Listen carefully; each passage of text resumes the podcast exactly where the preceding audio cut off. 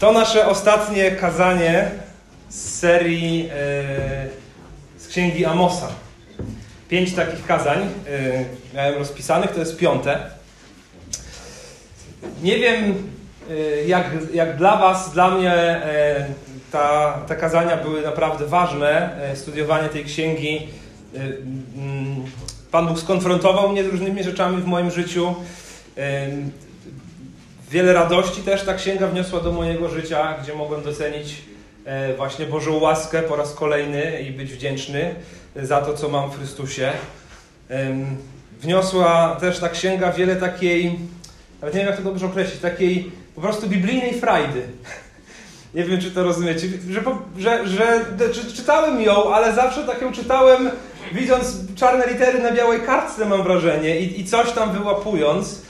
E, A teraz po tych pięciu tygodniach mam wrażenie, że, że wiem o czym ta księga jest.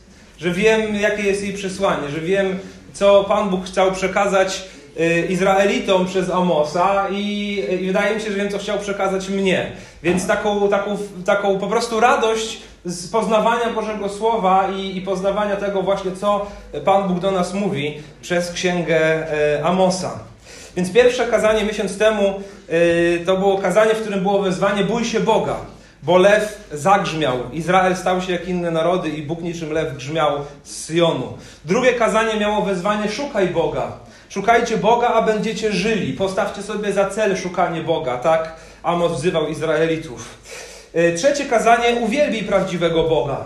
O tym, że Bogu nie podoba się powierzchowna religijność i w żaden sposób nie może ona człowieka uratować. Nadmierny optymizm w kwestiach duchowych e, nie jest, nie jest czymś dobrym. Nasze, nasze zbawienie jest tylko w Jezusie Chrystusie e, i w wierze w Niego. E, Tydzień temu było wezwanie kochaj Boga i Jego Słowo. O tym, aby Bożego Słowa nie lekceważyć i kochać je, ponieważ mamy je dostępne. I dzisiaj ostatnia część oczekuj Bożego zwycięstwa. Oczekuj Bożego zwycięstwa. Więc bój się Boga, szukaj Boga, uwielbij prawdziwego Boga, kochaj Boga i Jego Słowo, oczekuj Bożego zwycięstwa. Em, tak jak mówiłem o tym tydzień temu, jesteśmy w trzeciej części księgi, księgi Amosa. W tej trzeciej części mamy pięć wizji, które ma ten prorok. E, Cztery z nich omówiliśmy tydzień temu, dzisiaj będzie piąta. I wizje te dotyczyły nadchodzącego e, sądu e, na Izraela. I tak jak w całej księdze Amosa, e, tak i w tej części również Bóg podkreśla w sposób wyjątkowy dwa grzechy. Pierwszym e, bałwochwalstwo i nieposłuszeństwo Bogu, drugim brak poszanowania e, drugiego człowieka, wykorzystywanie jednych ludzi, tych ubogich poprzez tych bogatszych w Izraelu. I dzisiaj zajmiemy się właśnie tym ostatnim, dziewiątym rozdziałem, w którym mamy ostatnią zapowiedź nieuchronnego sądu, ale mamy też obietnicę odbudowy. I ta ostatnia e, rzecz myślę, że będzie szczególnie ciekawą częścią tekstu, bo spełnienie tej obietnicy, obietnicy odbudowy, może by, myślę, że będzie dla nas e, zaskakujące. Więc przeczytajmy dziewiąty rozdział Księgi Amosa w całości. Zobaczyłem Pana stojącego przy ołtarzu. Powiedział do mnie, uderz w głowicę kolumny, niech zadrżą sklepienia. Niech spadnie strop na głowy ich wszystkich, a ich resztę zabije mieczem. Żaden z nich nie ujdzie, nie będzie ratunku dla żadnego uchodźcy. Choćby dokopali się do świata zmarłych, wyciągnę ich stamtąd swą ręką. Choćby wznieśli się wysoko do nieba, ściągnę ich stamtąd w dół. Choćby skryli się na szczycie Karmelu, wytropię ich tam i wyłapię. Choćby schowali się przede mną na dnie morza, na mój rozkaz wąż ich pokąsa. A gdy wróg ich zapędzi w niewolę i tam pośle miecz, by ich niszczył, dopilnuje, by działo im się źle i aby nie mieli powodzenia. Kim jest Pan? To Pan zastępów. Gdy dotyka on ziemi, ta topnieje. Lament wznosi się z ust jej mieszkańców, niczym Nil podnosi się cała i jak rzeka Egiptu opada. On na niebie wznosi piętra swych budowli, swój nieboskłon osadza na ziemi. On zwołuje do siebie wody morza, zrasza nimi to, co żyje na lądach. Jego imię brzmi Pan. Czyż wy nie jesteście dla mnie jak potomkowie Kuszytów, synowie Izraela? Oświadcza Pan. Czy nie wyprowadziłem Izraela z ziemi egipskiej, Filistynów z Kaftoru, a Aramejczyków z Kir? Oto oczy wszechmocnego Pana skierowane są na to grzeszne królestwo i zetrę je z powierzchni ziemi, jednak nie wytępię domu Jakuba doszczętnie, oświadcza Pan. Bo oto na mój rozkaz odsieje dom Izraela wśród narodów, tak jak ziarno przesiewa się w przetaku i żadne nie upadnie na ziemię. Od miecza zginą wszyscy grzesznicy mego ludu, którzy mówią nie dosięgnie i nie spotka nas nieszczęście. W tym też dniu postawię pod upadły szałas Dawida. Zamuruję wyłomy, podniosę go z ruin i odbuduję go. Będzie jak w dawnych czasach. Wówczas posiądą resztkę Edomu oraz te wszystkie narody, nad którymi wzywano moje imię, oświadcza Pan, który to właśnie czyni. Oto idą dni, oświadcza Pan, w których oracz będzie szedł tuż za żniwiarzem, a tłoczący winogrona tuż za siewcą ziarna. Wtedy góry wręcz ociekać będą moszczem, a pagórki spływać obfitością. I odmienię los mojego ludu Izraela. Odbudują i zasiedlą spustoszone niegdyś miasta. Zasadzą winnice i napiją się z nich wina. Założą ogrody i spożyją ich owoce. Zasadzę ich na ich ziemi i z tej ziemi, którą im dałem, już nikt ich nie wyrwie, mówi Pan, Twój Bóg. Drodzy, zachęcam Was do tego, abyście mieli przed sobą otwarte swoje Biblie. Jeśli ktoś nie ma takiej papierowej czy telefonicznej, to tam też można sobie wziąć z tamtej e, szafeczki, dlatego że będziemy dzisiaj zaglądać do kilku miejsc Starego i Nowego Testamentu i boję się, że jak ktoś nie będzie miał przy sobie Biblii, to, to, to się w tym wszystkim zgubi, ale postaram się, żeby tak nie było. Więc e, ten dziewiąty rozdział, e, widzę tutaj takie cztery części i tak ten tekst omówimy. W wersetach 1 do 4 mamy piątą wizję nieuchronnego sądu dla bałwochwalców. Później w wersetach 5 do 6 mamy hymn pochwalny na cześć Boga. Kim jest Pan, to Pan zastępów. Później w wersetach 7 do 10 mamy nieuchronny sąd dla tych zbyt optymistycznych, dla tych, którzy mówią, a to nie, nie, nie przyjdzie na nas. I później w wersetach 11 do 15 mamy tę niezwykłą zapowiedź odnowy. Więc piąta wizja, którą ma Amos, która e, zawiera się, szczególnie jest widoczna w wersecie pierwszym, to wizja Boga stojącego przy ołtarzu w świątyni. Nie jest jasne, co to jest za świątynia, ale patrząc na kontekst, wydaje się, że to jest ta świątynia, w której y, uprawia się bałwochwalstwo, więc pewnie ta świątynia, która znajduje się w Betelu. Amos mówi: Zobaczyłem pana stojącego przy ołtarzu. Powiedział on do mnie: Uderz w głowicę kolumny, niech zadrżą sklepienia, niech spadnie strop na głowę ich wszystkich. Więc Pan stoi przy jakimś ołtarzu i mówi i chce, aby ta świątynia została zburzona. Uderz w głowicę, aby strop na nich spadł. Więc Bóg zapowiada, że ci bałwochwalcy, którzy chodzą do Betelu, zostaną ukarani. Że świątynia, do której chodzili, uprawiając bałwochwalstwo, zawali się na nich. Być może spełniło się to właśnie y, około dwa lata później. Pamiętacie, jak zaczyna się księga Amosa, że to zostało napisane dwa lata przed tym trzęsieniem ziemi. Więc być może to trzęsienie ziemi było właśnie tym momentem, kiedy ta e, świątynia, świątynka się e, zawaliła. E, czytamy o tym, e, e, że, że to ci bałwochwalcy mają być właśnie w taki sposób ukarani. Ale gdyby kogoś tam nie było z tych, którzy oddają się bałwochwalstwu w świątyni, kiedy ona ma się zawalić, Bóg mówi: Ja będę go ścigał. I na pewno wszyscy ci, którzy oddawali się bałwochwalstwu, nie ujdą kary. Nikomu się przed tym nie uda uciec. I Bóg mówi o tym, że, że znajdę go w Karmelu, czyli na górze najwyższej, najwyższym wzniesieniu w tamtym regionie, i na dnie morza, i wytropię ich, i choćby poszli na wygnanie, to i tam ich znajdę. I ostatnia fraza wersetu czwartego mówi: Dopilnuję, by działo im się źle, aby nie mieli powodzenia. Robi na mnie to zdanie wrażenie. Różne wersety widziałem wypisane na koszulkach albo ładne grafiki, e, takie wiecie, z wersetem biblijnym i krajobrazem na ten werset. Dopilnuję, by działo im się źle i by nie mieli powodzenia, nigdy nie trafiłem. To chyba zrozumiałe dlaczego. Nie brzmi on w naszych uszach. Tak jak chcielibyśmy, żeby Pan Bóg coś powiedział. A jednak mówi, dopilnuje, to mówi Bóg, by działo im się źle, aby nie mieli powodzenia. Jakże straszne są te słowa z ust Bożych. Te słowa przerażają. Widzimy to oczywiście w księdze Amosa co kilka wersetów w każdym rozdziale, że Bóg nie jest, jak to w którymś kazaniu powiedziałem, nie jest Bogiem pluszowym. Nie jest maskotką, nie jest misiem, którego, wiecie, można sobie e, e, czasami się do niego przytulić, a czasami rzucić go w kąt. Takim uśmiechniętym tylko i wyłącznie. Ta księga nas przestrzega przed takim myśleniem, wzywa nas do tego, byśmy szanowali Boga, byśmy bali się Boga, byśmy odznaczali się bogobojnością. dopilnuje, mówi Bóg, aby działo im się źle, aby nie mieli powodzenia. Drodzy, tym bardziej niech będzie to dla nas, którzy jesteśmy Bożymi dziećmi, powodem do wdzięczności Bogu za łaskę, jaką okazał nam w osobie naszego Zbawcy, Jezusa Chrystusa. Dlatego, że tylko dzięki Jezusowi Chrystusowi, tylko dzięki temu, że jesteśmy w Nim, Pan Bóg nie powie nad nami, dopilnuje, by działo im się źle i aby nie mieli powodzenia.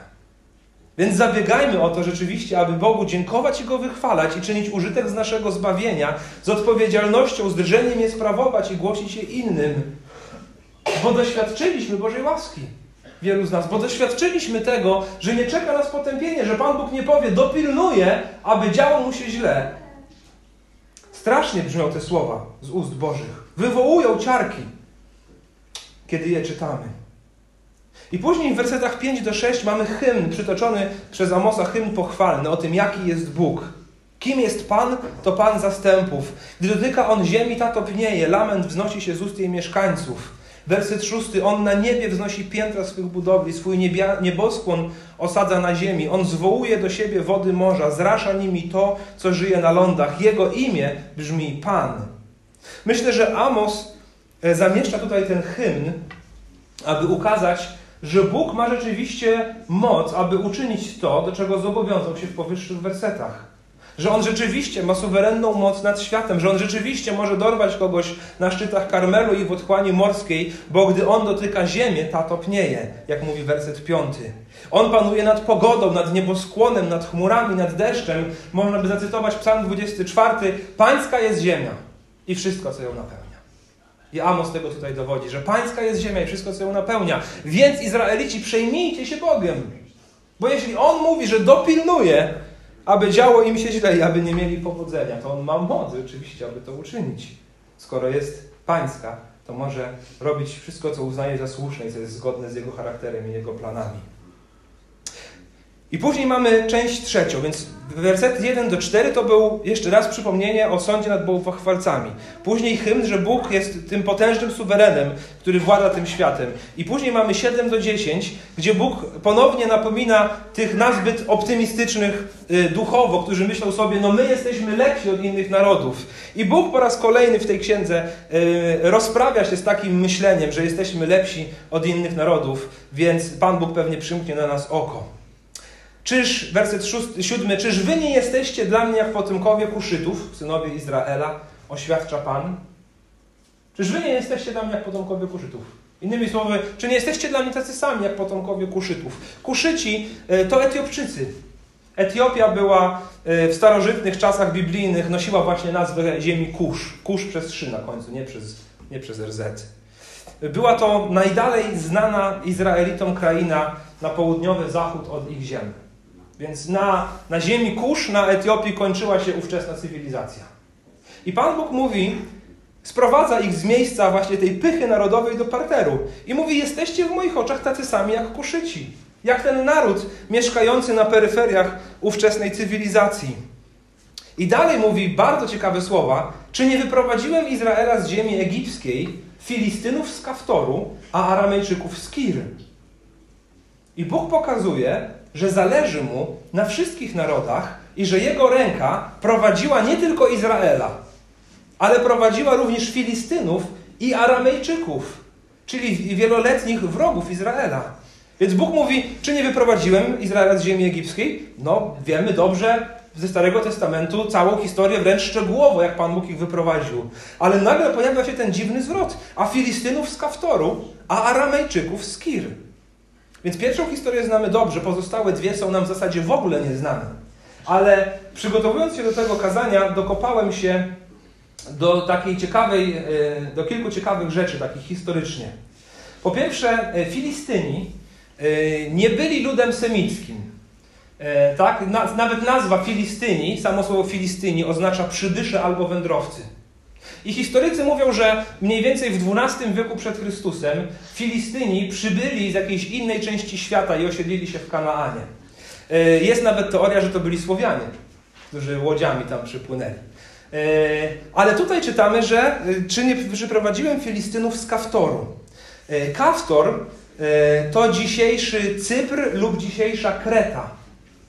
Więc Pan Bóg Wydaje się, tak łącząc to, że jeśli Kaftor jest Cyprem lub Kretą e, i Filistyni tam przybyli do Kanaanu i tam się osiedlili, że Bóg wydaje się, że mówi tutaj, e, tak jak wyprowadziłem Izraela z Egiptu i przyprowadziłem do Kanaanu, tak samo poprowadziłem Filistynów z ziemi, którą poprzednio zajmowali. I również sprowadziłem. A potem nawet mówi, tak samo poprowadziłem Aramejczyków z Kir. Kir to była e, kraina w Mezopotamii z której Aramejczycy prawdopodobnie przyszli też do Kanaanu. Więc zobaczcie, Pan Bóg mówi: Nie myślcie sobie, że jesteście lepsi od innych narodów. Bo uważacie, że ja was wyprowadziłem z ziemi egipskiej, to powiem wam, coś Filistynów też wyprowadziłem z Kaftoru. Aramejczyków też wyprowadziłem z Kir. Myślicie sobie, że jesteście lepsi od innych narodów? No nie, jesteście dla mnie jak potomkowie Kuszytów. Jak również ci, którzy żyją na peryferiach ówczesnej cywilizacji. Dla mnie to jest fascynujące, bo bardzo łatwo jest pominąć ten werset. E, czytając Stary Testament, często może się wydawać, że rzeczywiście Bóg przejmuje się tylko Izraelem, ale to nieprawda. To nieprawda. Widzimy to od początku. W Księdze Rodzaju spotykamy Melchizedeka, kapłana i króla Salemu, który jest typem Chrystusa. Kilka spotkań opowiadaliśmy właśnie o Melchizedeku na naszej grupie środowej studiując list do Hebrajczyków. Człowiek, o którym nic nie wiemy, niezwiązany w żaden sposób z Abrahamem, jest typem Chrystusa. Widzimy również to, że Bóg się przyjmuje innymi narodami, na przykład w wędrówce Izraela po pustyni. Pamiętacie, Bóg przemawia przez proroka Bileama, który pochodził z Mezopotamii, był wynajęty przez Moab, aby przeklinał Izraelów. I Bóg się z nim komunikuje i mówi, co on ma robić. Bileam źle e, kończy, ale rzeczywiście Pan Bóg się jemu objawia, przemawia przez niego. Widzimy to, że Bogu zależy na innych narodach w księdze Jonasza. To jest sedno księgi Jonasza, kiedy Bóg posyła proroka do Niniwy, również wrogów Izraela, po to, aby oni się nawrócili. I mówi tam pod koniec tej księgi, czy nie mam żałować Niniwy, miasta, w którym mieszka 120 tysięcy ludzi, a nadto wiele bydła? No żałuję ich, nie chcę, żeby ich dosięgnął mój sąd. Potwierdza nam to Bóg w księgach prorockich, na przykład poprzez Jeremiasza, e, gdy, e, gdy Izraelici zostają wygnani do Babilonu, Bóg mówi: módlcie się o powodzenie miasta, do którego was wysłano w Babilonie, żeby tam się działo dobrze. Widzimy, jak Pan Bóg komunikuje się z Nebukadnezarem. Cyrusa, króla perskiego, nazywa swoim pomazańcem. Potwierdza nam to Piotr w Nowym Testamencie, gdy mówi Korneliuszowi, że w każdym narodzie miły Bogu jest ten, kto się go boi i postępuje sprawiedliwie. W końcu potwierdza to Paweł w mowie na, na Areopagu, gdy pokazuje Grekom, że Bogu na nich zależy i że On ustanowił narody, aby Go szukały, czy Go może nie wyczują i nie znajdą, bo nie jest On daleko od każdego z nas.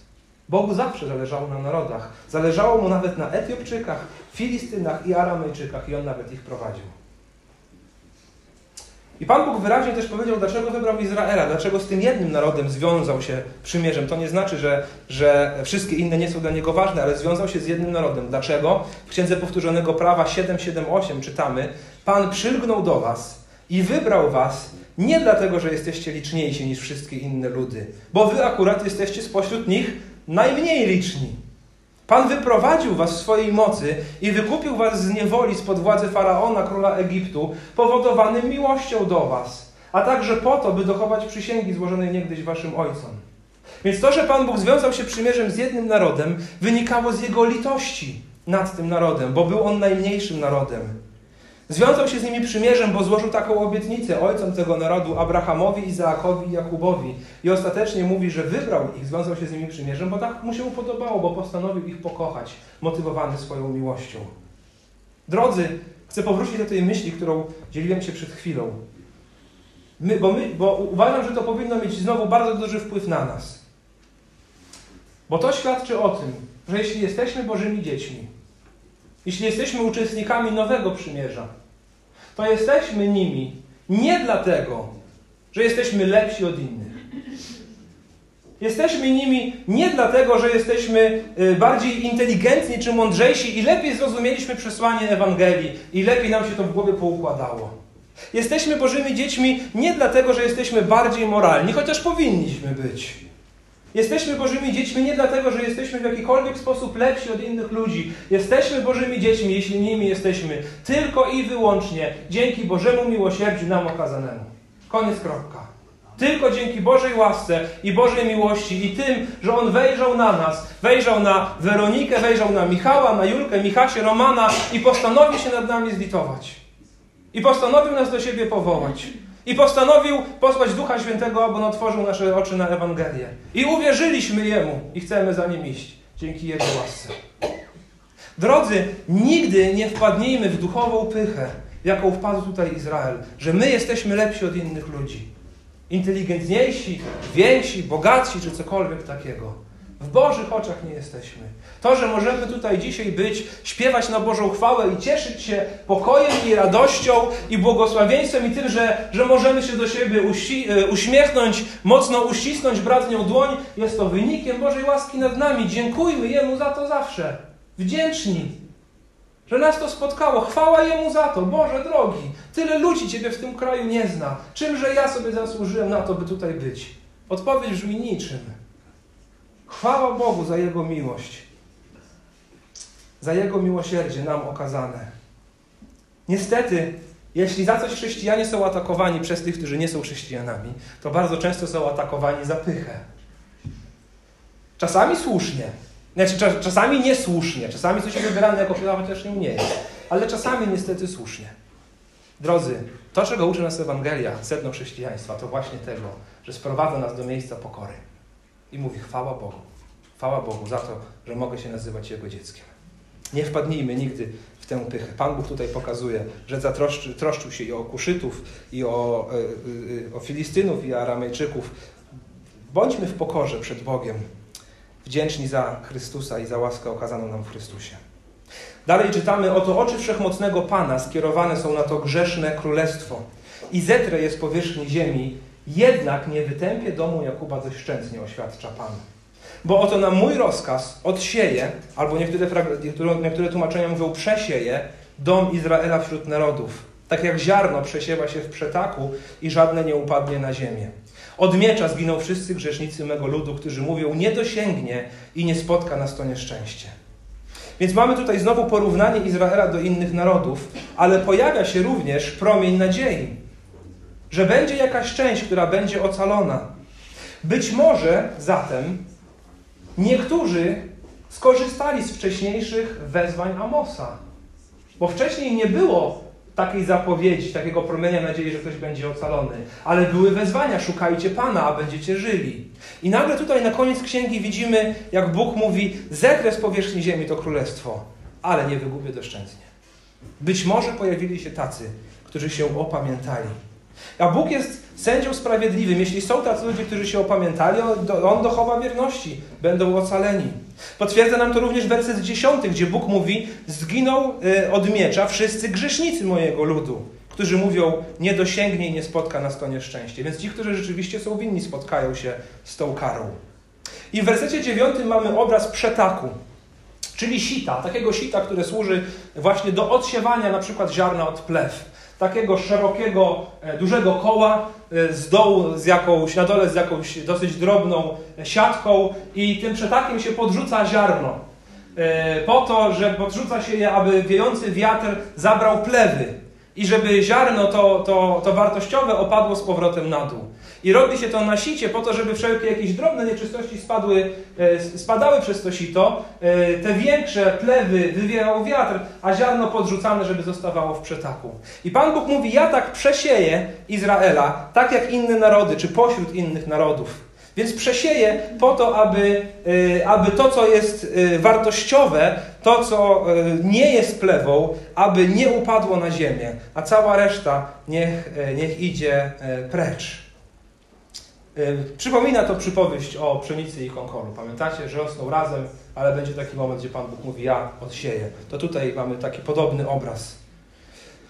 Y, szczególnie myślę, że znowu jest istotne podkreślenie, że Izrael będzie pośród innych narodów w tym przesiewaniu, więc będzie przesiany tak samo jak, jak wszyscy inni. I przechodzimy do tej ostatniej części tekstu.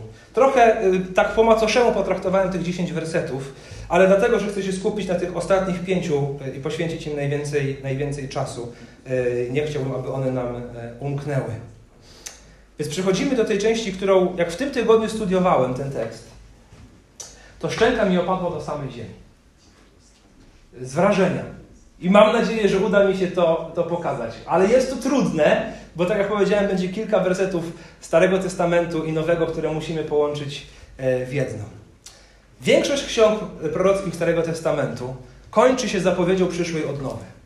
Prawda? Często idziemy przez te księgi proroków mniejszych, ale również tych większych i, i zazwyczaj jest tam masa właśnie sądu, ale na koniec prawie zawsze spotykamy e, taką zapowiedź e, duchowej odnowy, która kiedyś nadejdzie. W tym też dniu albo oto idą dni, kiedy coś się wydarzy. I często rzeczywiście te końcowe fragmenty ksiąg prorockich nastręczają pewnych trudności interpretacyjnych. Ale wydaje mi się, że księga Amosa je rozwiewa, więc mam nadzieję, że jeśli dobrze zrozumiemy tę końcówkę, to również będziemy dobrze rozumieli podobne fragmenty w innych e, księgach. Więc zdecydowana większość proroctw wypowiedzianych w księdze Amosa spełniła się za życia Amosa lub niedługo później, czyli w czasie najazdu i niewoli asyryjskiej. W zasadzie wszystkie, przez które przechodziliśmy, włącznie e, z głodem Pana, który omawialiśmy tydzień temu. Pamiętacie, że będzie wód Pana, który nie będzie zaspokojony i będą szukali tego.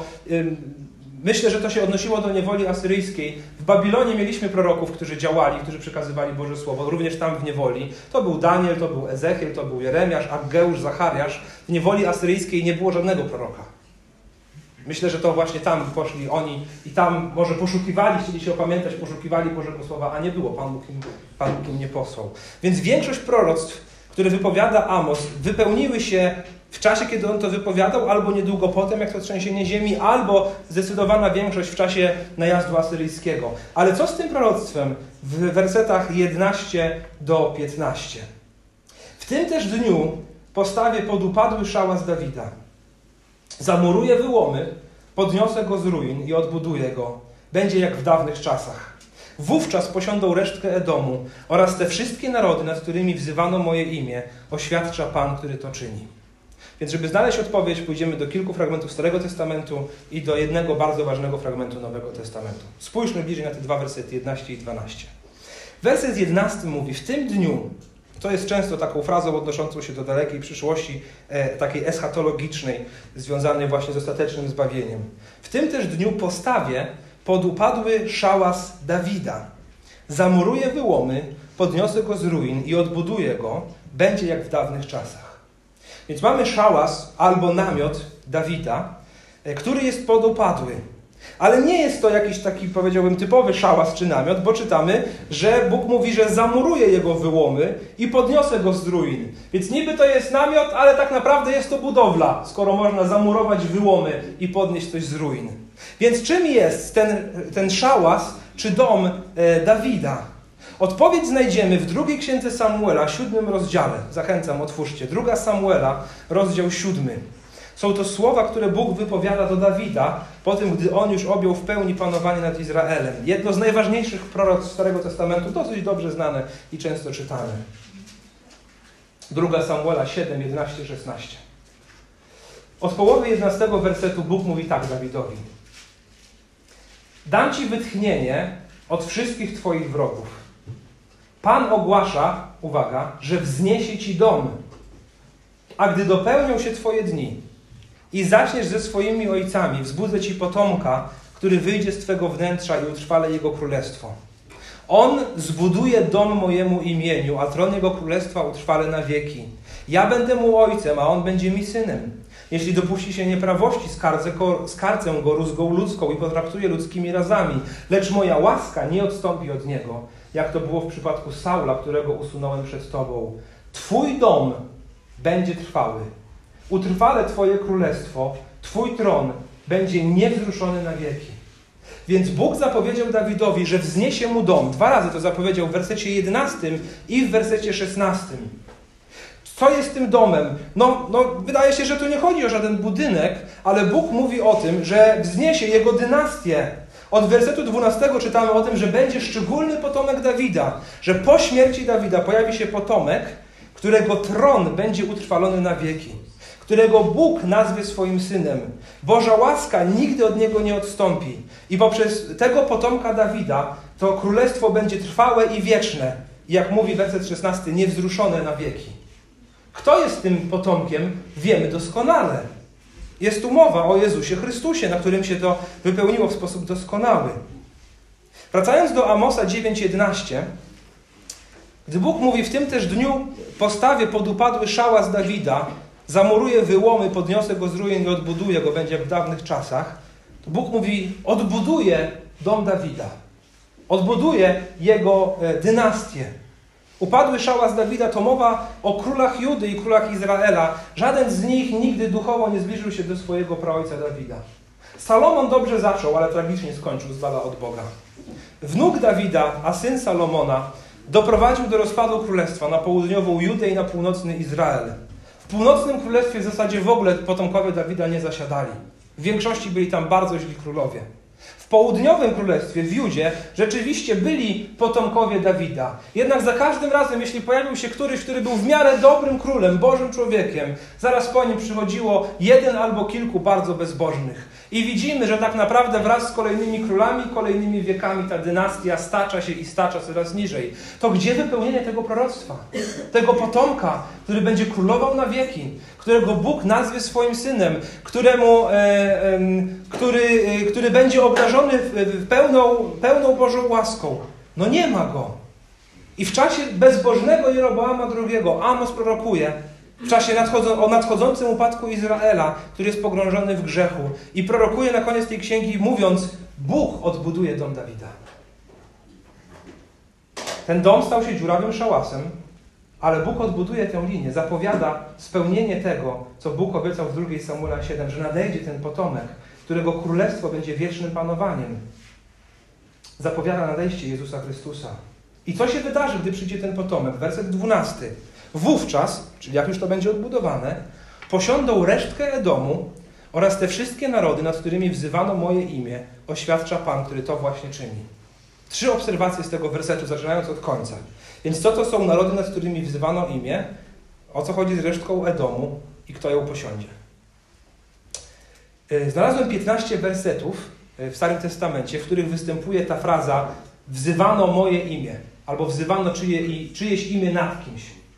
I w, w każdym z tych wersetów jest to pewien idiom, który oznacza własność tego, kogo imię zostało wezwane, nad tym, nad czym to imię zostało wezwane. Mamy to na przykład w powtórzonego prawa 28, 9, 10, gdzie Pan Bóg mówi, że biorę was w posiadanie, moje imię zostało wezwane nad Izraelem. Ale tutaj czytamy, że są inne narody, nad którymi wezwano Boże imię. Wszystkie narody, nad którymi wezwano moje imię, oświadcza Pan.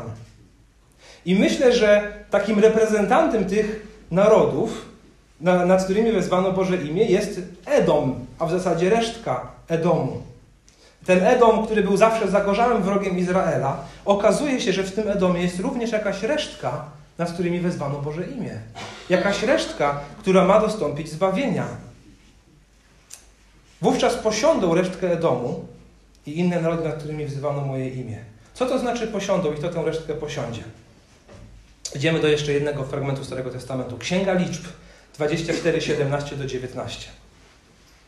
Liczb, czyli czwarta Mojżeszowa 24, 17 do 19. Jest to proroctwo wspomnianego już dzisiaj przeze mnie Bileama, który miał przeklinać Izraela, a zamiast tego go błogosławił. I Bileam wygłasza proroctwo, i mówi o jakimś przyszłym, niezwykłym wodzu Izraela. Liczby 24, 17, 19. Bileam mówi tak. Widzę go, lecz to jeszcze nie teraz. Oglądam go, ale jeszcze nie z bliska.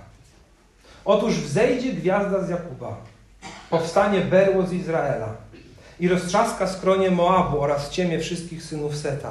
Uwaga, Edom stanie się jego własnością. Dosłownie tam jest napisane, on posiądzie Edom. Seir będzie należał do swych wrogów, a Izrael wystąpi w swej potędze. Władzę obejmie wódz z Jakuba i wygubi ocalonych z miasta. Więc mamy tu zapowiedź, że powstanie kiedyś wódz, gwiazda Jakuba, berło Izraela, który roztrzaska Moab, wszystkich synów Seta i który, dosłownie jest tam napisane, posiądzie Edom i ten stanie się jego własnością. Kto jest tym przywódcą, o którego widział z daleka Bileam? Oczywiście, znowu odpowiedź jest jasna. Jezus. Zatem tym, który posiądzie Edom, nie jest etniczny Izrael, który go podbije, ale przyszły król z potomek Dawida, który był zapowiadany. I to on zdobędzie, posiądzie resztę Edomu i wszystkie inne narody, nad którymi zostało wezwane Jego imię, to On i Jego lud posiądą te inne narody. Zbierając to wszystko teraz w jedną całość, Bóg na koniec księgi Amosa, w której tak wiele razy ogłaszał sąd nad Izraelem i porównywał ich do innych narodów, mówi w wersecie 11, że on pamięta o obietnicy danej Dawidowi, która została dana jakieś 300 lat wcześniej, że on utwierdzi jego dynastię i jego dom na wieki, że pamięta o tym, że ma przyjść król, którego tron będzie tronem wiecznym. I gdy on przyjdzie, wówczas mówi werset 12. On odbudowany dom Izraela, wódz, gwiazda Jakuba, berło Izraela zapowiadane przez Bileama, posiądzie resztkę Edomu, tak jak zapowiedział Bileam. Po co? Aby włączyć resztkę tego Edomu do swojego królestwa. Tak jak ludzi z innych narodów, nad którymi wezwano jego imię. Tak jak zostało wezwane nad Izraelem. Kiedy to proroctwo zostało spełnione?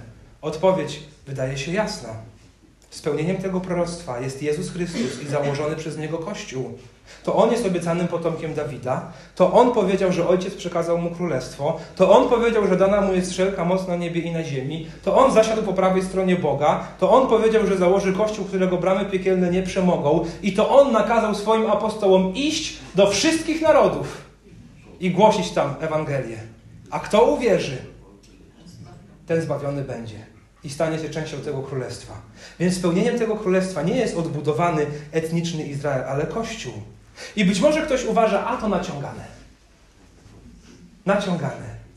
Ale dokładnie w taki sposób to proroctwo zrozumieli apostołowie. Rozpoznali je w czasie Soboru w Jerozolimie, gdy zjechali się tam do miasta ówcześni przywódcy Kościoła, zaskoczeni tym, że poganie się nawracają. Więc skoczmy do dziejów apostolskich 15 rozdziału. Dzieje apostolskie 15.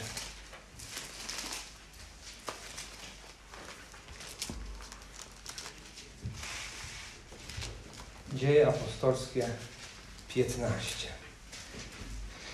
Zjeżdżali się apostołowie, przywódcy kościoła do Jerozolimy, żeby ustalić, co zrobić z poganami, którzy się nawracają. W wersecie siódmym głos zabiera Piotr i mówi o tym, jak się nawrócił rzymski obywatel Korneliusz i jego dom. I że oni jako poganie otrzymali tak samo Ducha Świętego, jak Żydzi wierzący w Jezusa. W wersecie 12 głos zabiera Paweł i Barnaba i potwierdzają to, że poganie, ludzie spoza Izraela nawracają się do Boga przez Jezusa. I wskutek tych opowieści powstaje Jakub, ówczesny przywódca kościoła w Jerozolimie. I mówi tak od wersetu 14.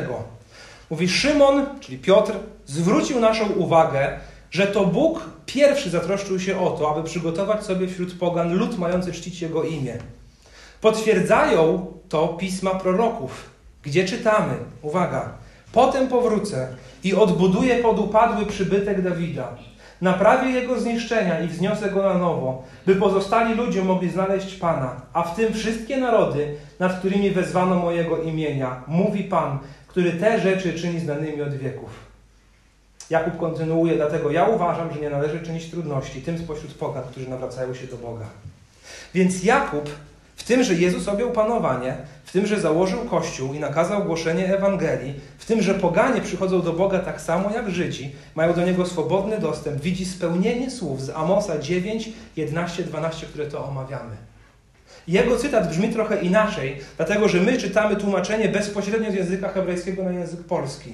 On natomiast cytuje Septuagintę, czyli tłumaczenie hebrajskiego na grecki. I jeszcze do tego trochę parafrazuje, ale nie ma wątpliwości, że to jest dokładnie ten tekst. Cytuję Amosa, mówiąc: Oglądamy spełnienie tego. Bóg obiecał to Amosowi, że odbuduje szałas Dawida. Odbudował przez Jezusa. Bóg powiedział, że wezwie do siebie narody, nad którymi wezwano Jego imię. No wzywa. Więc apostołowie rozpoznali spełnienie tej obietnicy z Amosa o odbudowie domu Dawida i zdobywaniu innych narodów, nie w ziemskim królestwie etnicznego Izraela, ale w Jezusie i Jego Kościele, o którym Paweł powiedział w liście do Galacjan, że jest Izraelem Bożym. I znamy dobrze tę rzeczywistość wspólnego przychodzenia do Boga. Czytał to dzisiaj Tomasz na rozpoczęcie nabożeństwa. Wy wspólnie budujecie się na mieszkanie Boże w duchu. Od tego zaczęliśmy nasze nabożeństwo. Więc drodzy, Absolutnie mnie to zdumiewa, dlatego mi opadła szczena do samego dołu. Bo Pan Bóg, widząc upadły Izrael w księdze Amosa, już wtedy realizował swój wielki plan zbawienia. Plan nadejścia gwiazdy Jakuba, berła Izraela, potomka Dawida, którego królestwa nie będzie końca. Bóg widząc upadły Izrael, nie obiecywał odbudowywać etnicznego narodu, ale obiecał królestwo, na które składać się będą wszyscy kochający Go i wierzący Jemu, ze wszystkich narodów, nad którymi wezwane będzie Jego imię. I tenże potomek Dawida weźmie ich w posiadanie i roześle swoich apostołów, aby oni głosili Ewangelię wszystkim narodom. I oni zdobędą nawet i resztkę Edomu. Ten potomek Dawida przyszedł na świat. Jezus Chrystus i objął panowanie przez swoją odkupieńczą śmierć, założył Kościół, którego bramy piekielne nie przemogą i zainaugurował swoje królestwo i rozesłał swoich apostołów, którzy, yy, i, i wszystkich, którzy dzięki nim uwierzyli, aby poszli do narodów głosić Jego panowanie. I ta Ewangelia, to przesłanie dotarło również do nas w XXI wieku w Bydgoszczy. I Bogu się upodobało, abyśmy dzięki Jego łasce, tutaj siedzący, mogli wierzyć Jego Ewangelii i w związku z tym byli częścią spełnienia proroctwa z Amosa 9. To mnie zdumiewa. Bo Bóg zapowiadając Amosa 9 widział Chrystusa, a przez Chrystusa widział Kościół, a przez Kościół to znaczy, że widział również i nas. Czy to nie jest niesamowite? Dla mnie jest. I to proroctwo się tutaj nie kończy. Mam jeszcze wersety 13 do 15. Nie będziemy ich tak szczegółowo omawiać. Na ich spełnienie jeszcze czekamy. Bo było w tym dniu, a werset 13 mówią, oto idą dni. Więc widzimy, że to tyczy się dwóch różnych okresów. Oto idą dni, oświadcza Pan, w których oracz będzie szedł tuż za żniwiarzem, a tłoczący winogrona tuż za siewcą ziarna. Wtedy góry wręcz będą ociekać moszczem, a pagórki spływać obfitością. I odmienię los mojego ludu Izraela i odbudują i zasiedlą spustoszone niegdyś miasta i zasadzą winnice i napiją się z nich wina i założą ogrody i spożyją ich owoce i zasadzę ich na ich ziemi i z tej ziemi, którą im dałem już nikt ich nie wyrwie, mówi Pan, Twój Bóg. Na to jeszcze czekamy. Oto idą dni, o których czytamy na koniec Biblii, w Księdze Objawienia, gdzie są drzewa, które wydają stale owoce, tu czytamy, żniwia, siewca będzie szedł tuż za żniwiarzem, gdzie czytamy o dobrodziejstwie, o dobrobycie powszechnym i wiecznym, bo Bóg mówi, nikt już ich nie wyrwie tam, gdzie ja ich osadzę. Na tę pełnię obfitości czekamy wraz z Jego drugim przyjściem. Drodzy, to wszystko i to, jak jest to poukładane, Księga Liczb, druga Samuela, Amosa, Dzieje Apostolskie, to jak precyzyjnie się to ze sobą zazębia, dowodzi tego, że albo to jest jakiś jeden niemożliwy przypadek i jakoś to się samo poukładało. Ale takich przypadków i takich poukładanych proroctw i ich wypełnień jest tak dużo w Biblii, że w żaden sposób nie można tego nazwać przypadkiem. Więc wiele rzeczy dowodzi do tego, że Biblia absolutnie jest Bożym Słowem. Nie da się tego zmyślić. Nie da się tego tak pokombinować, żeby to jakoś butem podopychać i żeby to jakoś upchnąć. Nie da się tego zrobić. Pan Bóg dał nam swoje słowo. Pielęgnujmy to słowo, czytajmy to słowo, karmmy się tym słowem i ufajmy temu słowu. Pan Bóg dał nam obietnicę i zobaczyliśmy dzisiaj, jak przez kilka wieków tę obietnicę wypełniał. Od Bileama, przez Dawida, przez Amosa do apostołów. I jeśli on wypełnił wersety 11 i 12, to nie mam wątpliwości, że 13 i 15 również wypełni. Najmniejszy. Dlatego, drodzy, trwajmy w Chrystusie. Wierni Jemu, bo On spełni to, co tu napisał. Bracie i siostro, drogi słuchaczu, jak jest z Tobą? Kim jesteś? Na koniec tej księgi Amosa. Jesteś tym, do którego Bóg powie, dopilnuje, aby dobił Ciebie sąd? Czy też jesteś tym, nad którym wezwano imienia Bożego? i zostałeś przyłączony do Jego Królestwa, kiedy zaufałeś Jemu i Jego Ewangelii i możesz wyczekiwać pełni, w pełni spełnienia wersetów 13 do 15. Jeśli to pierwsze, to jest tylko jeden sposób na uniknięcie tego sądu. Mówiliśmy o tym w każdym z kazań. Uwierz w Jezusa. Uwierz w Jezusa. Wyznaj Jemu swoje grzechy, pójdź za Nim. Przyjdź do Niego z prośbą o przebaczenie Twoich grzechów, opowiedz się po Jego stronie i idź wiernie za Nim, żyjąc radykalnie dla Jego chwały. A jeśli wyczekujesz spełnienia tych wspaniałych Bożych obietnic i wiesz, że to są obietnice również przeznaczone dla Ciebie, to bracie i siostro, po raz trzeci w tym kazaniu chcę Cię wezwać. Okażmy się wdzięczni. Bo wszystko to, o czym mówiliśmy tutaj i nasz udział w tym, to jest wynik tylko i wyłącznie Jego łaski. Nie mam nic, co bym mógł Ci, Panie, dać. Puste ręce przynoszę przez Twój w niebie tron, manną z nieba, nakarm duszę mą. Nie mamy nic, co możemy Jemu dać. To, że to są nasze obietnice, to wynik tylko Jego miłosierdzia nam okazanego w Chrystusie Jezusie. Kiedy myślę właśnie o tej reakcji, jaką Amos chciał wywołać w wiernych Bogu Izraelitach, którzy być może właśnie nawrócili się, bo czytamy o tym w wersecie ósmym, że jakaś resztka jednak będzie ocalona z tych, do których to było wypowiadane. Jaką on chciał w nich wywołać reakcję? To myślę, że chciał wywołać właśnie taką. Radosne i pełne nadziei oczekiwanie na spełnienie tego, co jest w wersetach 11 do 15. Pierwsza połowa już się spełniła. Żyjemy w tej rzeczywistości e, panowania Chrystusa i Jego Kościoła. Druga część jeszcze się spełni, czekamy na Jego powrót. Więc drodzy, w tym oczekiwaniu, radosnym wyczekiwaniu, adwencie, kochajmy Jego Słowo, poznając Jego obietnice, dziękując za to, że możemy je odkrywać, dziękując za Jego Kościół i za to, że On włączył nas do swojego wielkiego planu. I bądźmy Jego świadkami, wskazującymi ludziom na Syna Bożego, wzywającymi ich do wiary, aby w Jego Kościele znalazły się rzeczywiście wszystkie te narody, nad którymi wezwano imienia Pana.